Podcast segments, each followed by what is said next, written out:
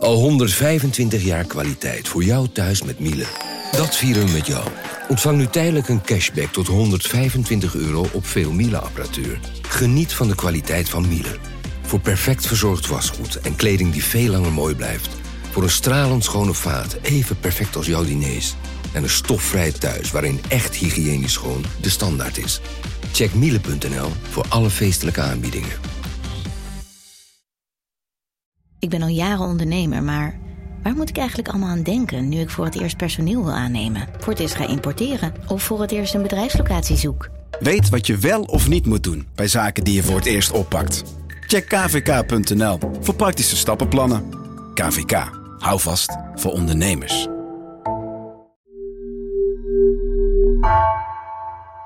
Hallo, ik ben Geertje, een van de presentatoren van vandaag. En ik ben heel erg benieuwd wat jullie vinden van de podcast die NRC maakt. Daarom wil ik jullie vragen je mening achter te laten via nrc.nl/slash podcastonderzoek. Alvast bedankt. Vanaf de redactie van NRC het verhaal van vandaag. Mijn naam is Geertje Tunter.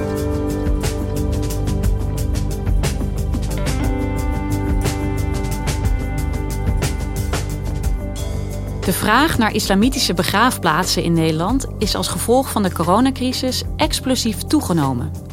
Redacteur Ingmar Vriesema zag hoe vooral Marokkaans-Nederlandse moslimfamilies noodgedwongen hun overledenen in Nederland begraven. Hiermee lijkt de trend om te kiezen voor een graf in Nederland enorm versneld. Er is alleen één probleem: ruimte.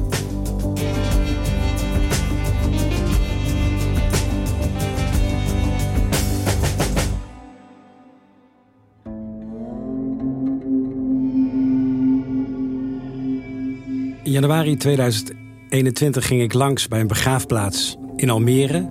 Omdat ik me aan het verdiepen was in de uitvaartsector. En een mogelijk interessant verhaal op het spoor gekomen was. Als je daar die begraafplaats oploopt, dan zie je eigenlijk iets wat in ieder geval ik niet verwachtte. Namelijk een vrij kaal veld. Lang en breed. Een soort rechthoekige vorm, 100 meter lang, 30 meter breed zonder bomen, veel zand te zien, vrij sobere graven. Dus eigenlijk anders dan je normaal gesproken gewend bent van een algemene begraafplaats. Ik sprak op die begraafplaats met de beheerder, de imam Ali Karametali, die mij het verhaal vertelde over wat er gebeurd was op zijn begraafplaats, waar het eigenlijk binnen korte tijd door corona enorm druk was geworden. Zo druk dat er een, een ruimtegebrek dreigde te komen. Het was echt een golf. Uh, massaal gingen we begraven, soms per week 35 mensen. Daarvoor waren we eh, enkeling, ik bedoel 10 uh, per jaar misschien.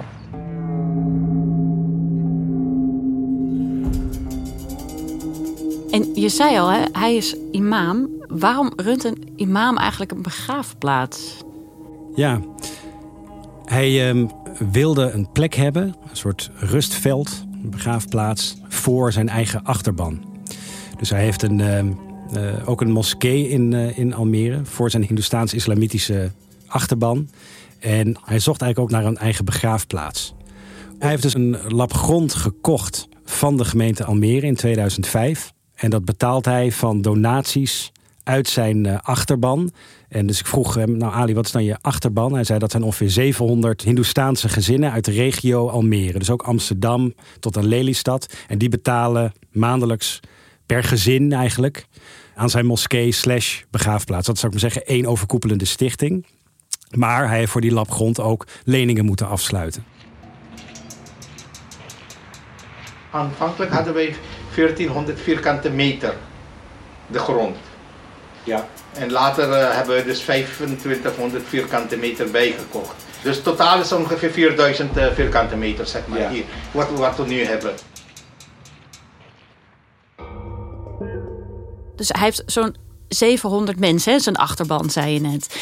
Ja, 700 gezinnen. 700 gezinnen. En ja. een beetje gekke vraag misschien, maar wat zoeken zij precies in een begraafplaats dan? Ja, zij willen uh, een begraafplaats waar bijvoorbeeld de, de richting van de graven zo is dat zij Uh, moslims worden vaak met hun, op hun zij begraven, zodat hun gezicht dan vervolgens wijst naar het oosten, naar Mekka. Mhm. Dus dat daarop gelet wordt. Over het algemeen zijn uh, islamitische begraafplaatsen ook wat soberder. Dus als je daar bent, dan zie je soms ook wel grafstenen die je kent van algemene begraafplaatsen. Maar soms ook gewoon letterlijk een hoop zand, zoals je ook kan aantreffen op een zomerse dag in, in Zandvoort. Vaak is er ook een gebedstafel aan, aanwezig, zodat je de islamitische rituelen kan voltrekken. En daarnaast eigenlijk eh, de belangrijkste eigenschappen, voorwaarden van een begraafplaats is de eeuwige grafrust. Dus dat een graf niet wordt geruimd na 10 of 20 jaar. Binnen de geloofsovertuiging van ons mag een lichaam nooit opgegraven worden. Ja. Dus je moet namelijk een begraafplaats hebben eh, waar het eeuwige grafrust, zeg maar, uh, gegarandeerd is. Ja. En dat hadden we niet in Nederland. En als je zegt eeuwige grafrust, betekent dat dus echt letterlijk eeuwig? Zo'n graf mag nooit geruimd worden? Dat is inderdaad precies wat het is, eeuwig. En dat heeft ermee te maken dat volgens de islam het zo is dat je, je begint eigenlijk na de dood aan een vrij levendig hiernamaals, waarin je wacht uh, op de dag des oordeels, waarop je voor de schepper verschijnt, die jou verwijst op basis van je leven naar het helle vuur of naar het paradijs. Mhm. Dus je wacht eigenlijk in je graf tot dat moment. Je weet niet wanneer dat moment komt. Misschien is dat pas over duizend jaar. Dus dat moet gewoon voor eeuwig gegarandeerd zijn. Ja, precies. En zoals je net al zei, bij een gemiddelde Nederlandse begraafplaats, dan kan het soms na 10, 20 jaar ja, voorbij zijn. Ja, zeker nog, dat is, dat is in Nederland zelfs bij wet niet geregeld. Dat dat kan op algemene begraafplaatsen. Dus het moet eigenlijk een soort particulier eigendom worden. In dit geval van een moskee. Waarin zij die grond dus zelf hebben. Wat in Nederlandse algemene begraafplaats vaak is... dat je voor 10 of voor 20 jaar zo'n uh, graf hebt, een termijn. En dat kan je dan verlengen. En verleng je het niet, dan wordt een graf geruimd. Maar goed, dit gebeurt bij Ali dus allemaal niet. Kijk, Ali die had dus nou ja, de vraag vanuit zijn achterban. Hij heeft een stuk grond. Hij is dat allemaal gaan regelen. Hoe ging het daar, ja, zeg maar in normale jaren, hoe is het daar eh, aan toegegaan? Ja, er zat een lap grond gekocht van Almere in 2005. Ik meen dat de eerste begrafenis pas in 2007 was. Mhm. En dat ging toen met een tempo van iets van 10 tot 20 begrafenissen van Hindoestaanse Nederlanders per jaar. Dat kabbelde eigenlijk zo voort. Er was nog wel een uitbreiding van de begraafplaats naar 800 uh, graven in totaal. En het werden er iets meer in 2019, maar pas in 2020, toen liep het ineens storm.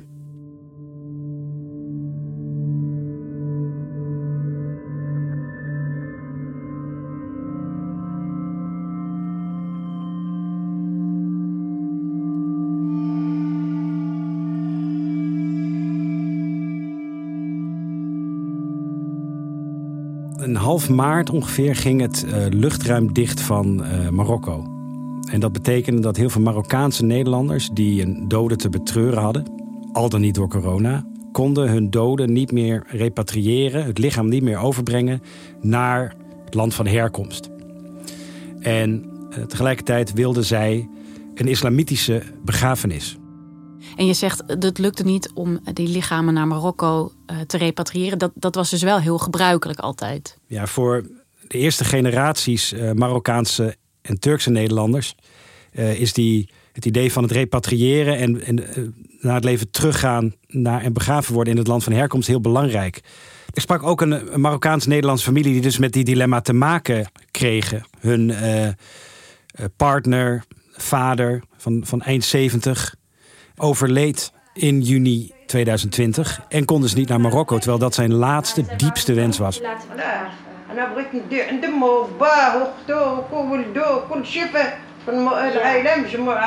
Want ze zei, ik wou, ik hem naar Marokko brengen waar zijn vader, moeder, uh, zus en uh, dus waar de familie ook begraven is, daar wou zij hem ook brengen. Dus we hem hier niet laten. Bij ons is het gewoon altijd normaal geweest is dat, dat iemand hier overlijdt. Dus dat hij eigenlijk hier wordt gewassen en alles, maar wel naar zijn familie wordt gebracht. Dus iedereen die hier zou overlijden van uh, de familie, zou daarheen worden gebracht. Het heeft te maken met een soort ja, heimatgevoel, kan je zeggen, mhm. naar Marokko. Uh, in combinatie met een soort systeem, ook een soort van, van een uh, uitvaartpolissen. Die door banken in Marokko, El Chabi is daar een voorbeeld van, een bank. Die geeft dat soort polissen uit. een uitvaartpolis, zodat die repatriëring en ook die begrafenis in Marokko wordt betaald. Maar het heeft ook te maken met het, uh, het islamitische voorschrift van de eeuwige grafrust, dat daar gegarandeerd is.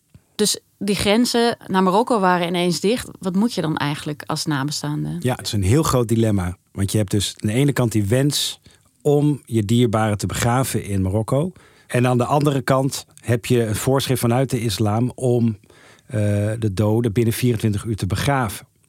Dat kon dus niet in Marokko, want die grens zat dus ineens dicht door een plotse uh, coronapandemie. Um, dus wat te doen? Veel Marokkaanse Nederlanders hebben toen gekozen voor koeling in een mortuarium. Of uh, een mortuarium van een uitvaartorganisatie of op Schiphol. Dus het, het koelen van het lichaam in de hoop dat Marokko zijn grenzen zou opengooien. Ja, dus er zijn heel veel mensen geweest die met hun overleden eigenlijk heel erg lang gewacht hebben op die manier. Vele honderden in het voorjaar, ja. misschien wel duizenden. Ja, maar die mensen moeten dus ook op een gegeven moment misschien de hoop verloren zijn. Ja, dat heeft geleid tot allerlei twisten binnen de familie. Van we moeten dit snel doen, dat is belangrijk. Want anders zit de persoon in een soort schemerzone tussen leven en dood. Mm De andere kant zeiden ze, ja, we willen niet in Nederland. Waar moet je die doden nou begraven? Dus dat was het dilemma. Dit speelde niet bij Turkse Nederlanders, omdat Turkije hield een soort kier open voor repatriëring via vrachtvluchten. Totaal niet ideaal. De familie kon niet mee. Een ja. kist moest in een vrachtvliegtuig. Maar het kon wel. Dus uh, dat speelde dus in, in die gemeenschap veel minder. En dit was dus, ja, wat je zegt, echt een probleem voor Marokkaanse Nederlanders. Nou, um, we hadden het al over. De telefoon van Ali stond rood gloeiend. Dus zeker een deel van hem heeft besloten: we kiezen wel voor Nederland. Ja, dat klopt. Veel mensen zeiden van het moet snel gebeuren. En er kwam dus ook in de, in de Marokkaanse tamtam, zal ik maar zeggen, mhm. Marokkaans-Nederlandse tamtam, ja. de berichten van er zijn in Nederland plekken met eeuwige grafrust. En toen gingen bijna alle ogen gingen naar Ali Karametali. Er zijn nog een paar andere plekken, maar er is soms onduidelijkheid over of dat nou echt eeuwig is. Ja, precies. Dus in Almere is eeuwige grafrust echt eeuwige grafrust. Nou, dat is natuurlijk voor heel veel mensen echt een grote geruststelling ja. in die situatie. Ja. Um, maar tegelijkertijd, die begraafplaats was eigenlijk bedoeld voor Ali's eigen Hindustaanse achterban. Ja, dat klopt.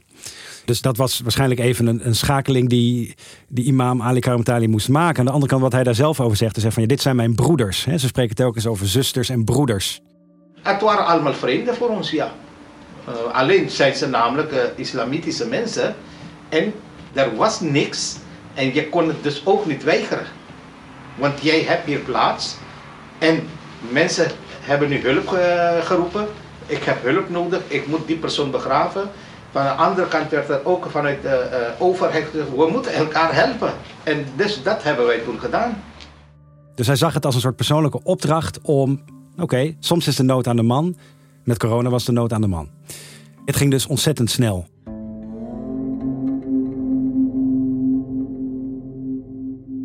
Ja, het begint dus allemaal vol te raken. Mensen kunnen niet meer bij hem terecht. Wat doet hij dan?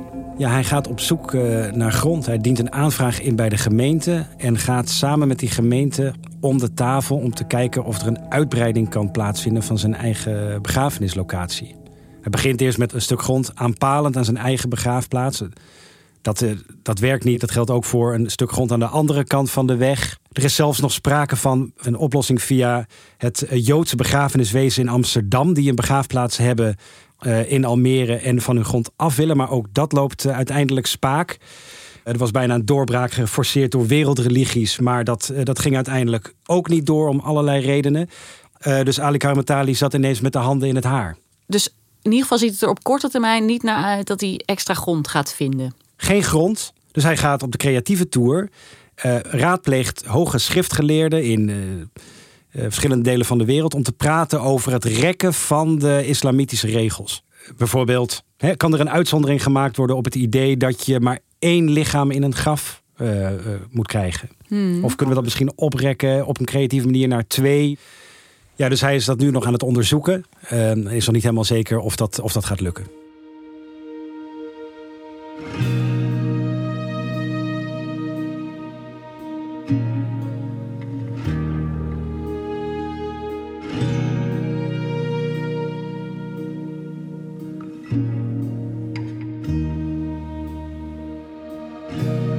Maar het is natuurlijk duidelijk dat de coronacrisis hier voor in ieder geval voor een deel uh, ja, verantwoordelijk voor is. Hè? Maar je kan ook denken, ja, straks gaan die grenzen naar Marokko weer open.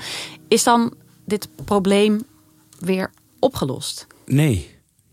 Allereerst is het trouwens zo dat het nog steeds onder voorwaarden gaat. Dus dit luchtruim is wel open. Alleen dat gaat nu nog via Turkije, meen ik. Hm. Dus ook via vrachtvluchten. Dus het is nog steeds veel lastiger om doden te repatriëren. Maar los daarvan heeft eigenlijk deze coronacrisis een, een trend die al langer speelde enorm versneld.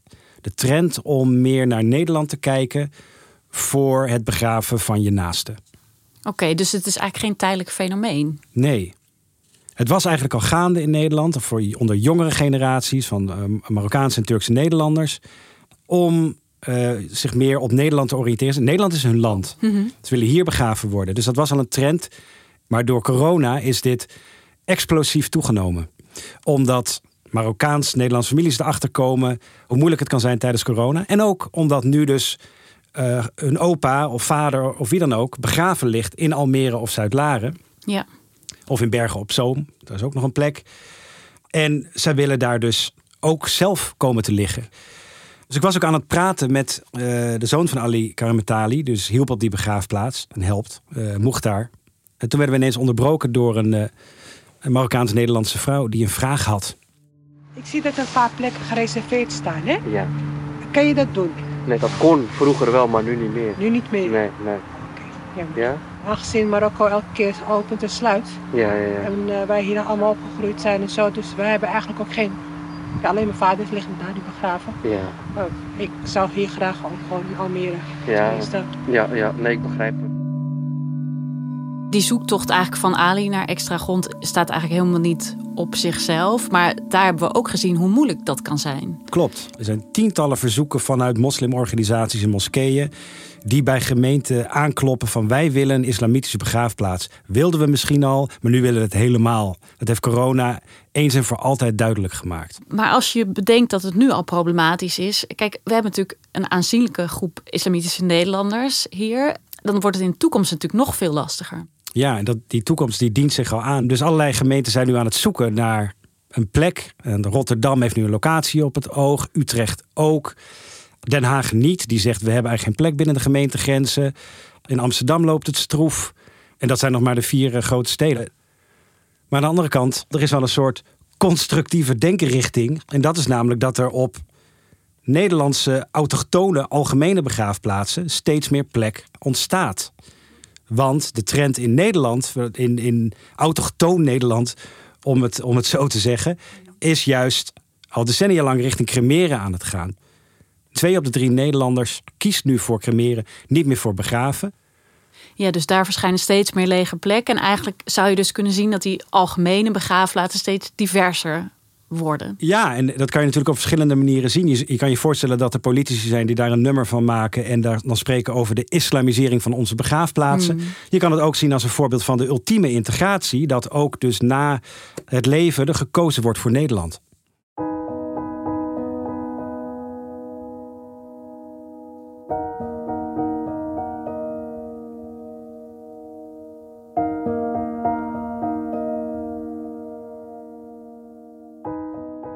Even terug naar Ali Karamatali, die natuurlijk een nogal intense tijd achter de rug heeft. Heeft hij spijt van hoe het gelopen is, hoe hij het heeft aangepakt?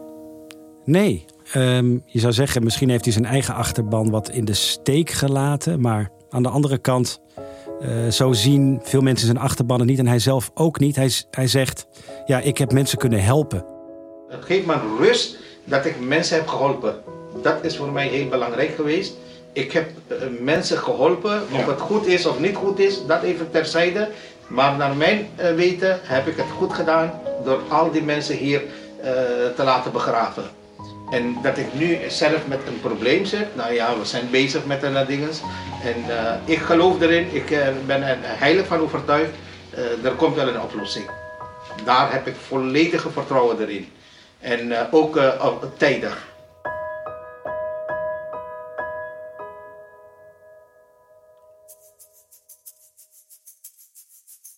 Dankjewel, Ingmar. Graag gedaan. Je luisterde naar Vandaag, een podcast van NRC. Eén verhaal elke dag. Deze aflevering werd gemaakt door Lis Doutsenberg, Henk Ruigrok van der Werf en JP Geersing. Plaatsvervangend chef van de audioredactie is Ido Havinga. Dit was vandaag, morgen weer.